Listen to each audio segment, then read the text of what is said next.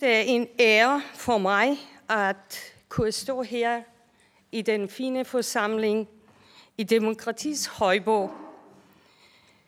Øh, velvidende frihed og demokrati er skrubelig, og det er bare ligesom, det hører med til en eksklusiv klub. Jeg ved ikke, hvorfor i Mellemøsten vi skal altid have alt problemer i vores del af verden. Jeg oplevede revolutionen i Iran i 1979.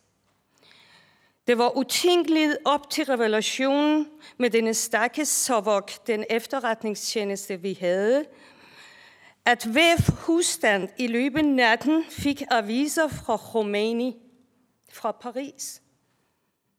Med lovning om rigdom, olieindtægter og alle de penge, der skulle deles mellem befolkningen. Telefon, transport og alt det skulle være gratis. Hvis han får lov til at komme fra eksil. Jeg kan huske, det blev annonceret, at øh, man skulle gå op på tage, og så kan man se Khomeinis billede i måned om aftenen. Og jeg kom op på tage, og jeg var rustet, fordi jeg kunne ikke se hans billede. Og jeg turde ikke at se det til nogen, fordi jeg følte, det var noget galt med mig. Det var tale om, at han skulle komme og sidde i Rom. Det er den mest fanatiske by i Iran, og skulle danne en slags Vatikan for sig selv, sammen med sin håndlanger og alle de præster, og ikke blande sig i politik. Men vupti, Khomeini med Air France blev plantet i Teherans lufthavn. Den bløde udrensning gik i gang. Først Shayans tilhænger, så kommunisterne, og så kunne jeg blive ved med at vi, blive ved og ved. Inden vi så os om, tørklæderne blev indført.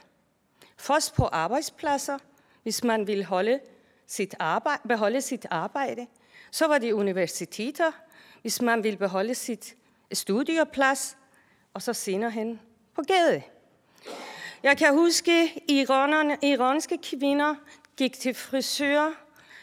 De tog deres pæneste outfit på med fuld af sminke og kom på gade og sagde, det vil ikke finde sig i det.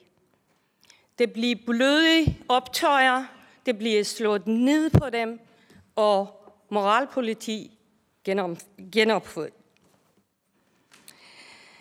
Der opstod flere demonstrationer løbende, men hver gang forgæves.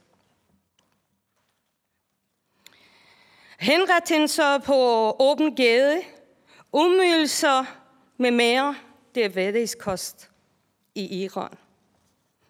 De familier, som mister deres kære, de skal endda betale for få deres kæres liv. Og de må begrave dem i mørke og ikke tale om dem. Vi skal huske, at Iran er en meget smuk land, ældste kultur i verden, med 85 millioner befolkning. 80 procent af dem er i 20'erne og under. 60 procent er veluddannede kvinder. De her efter frihed og de basale rettigheder. Smil, glæde, dans, musik, alt er forbudt. Det er ingen håb for fremtid. Og de har fået nok. De har ikke noget at tæppe mere. De dør langsomt hver dag. Det er ikke første gang, de bliver protesteret i Iran. Sidste gang, det var 1500 mennesker blev dræbt. Det er nærmest blevet en vane for islamisk stat, fordi verdenssamfundet er stille.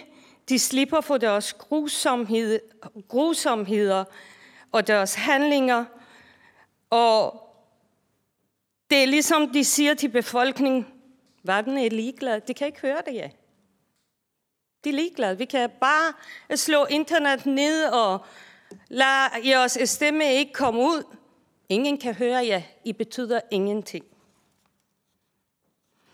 Danmark, dengang jeg kom til Danmark, jeg var, jeg er stadigvæk stolt af Danmark, men jeg synes dengang, Danmarks brand var øh, menneskerettigheder.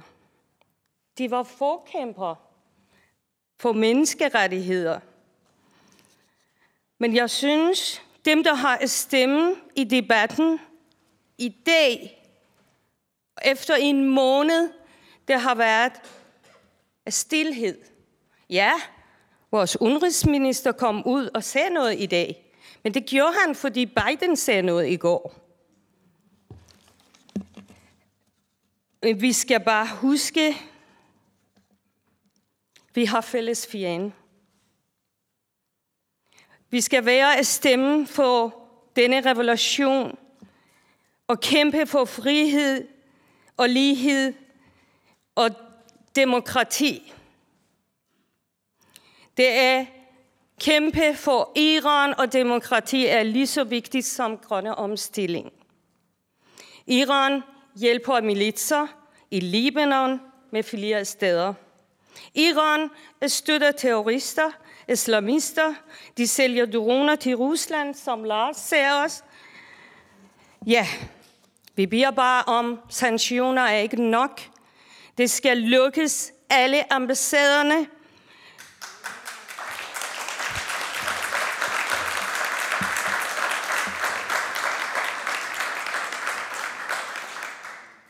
Og vi skal boykotte alt, hvad det er med Iran at gøre. Vi skal afstå fra samarbejde med de blodtørste regime. Vi skal Fordumme er ikke nok mere. Vi skal indfryse, som Lars sagde igen. Jeg har stjålet din tælle, Lars. indfryse deres form. Hvis I går hen og siger, deres egne børn, præstestyret egne børn, de bor i Europa, de bor i USA, de har kjoler uden ryg. De lever i sus og dus, de danser og poster og udopfordrende er.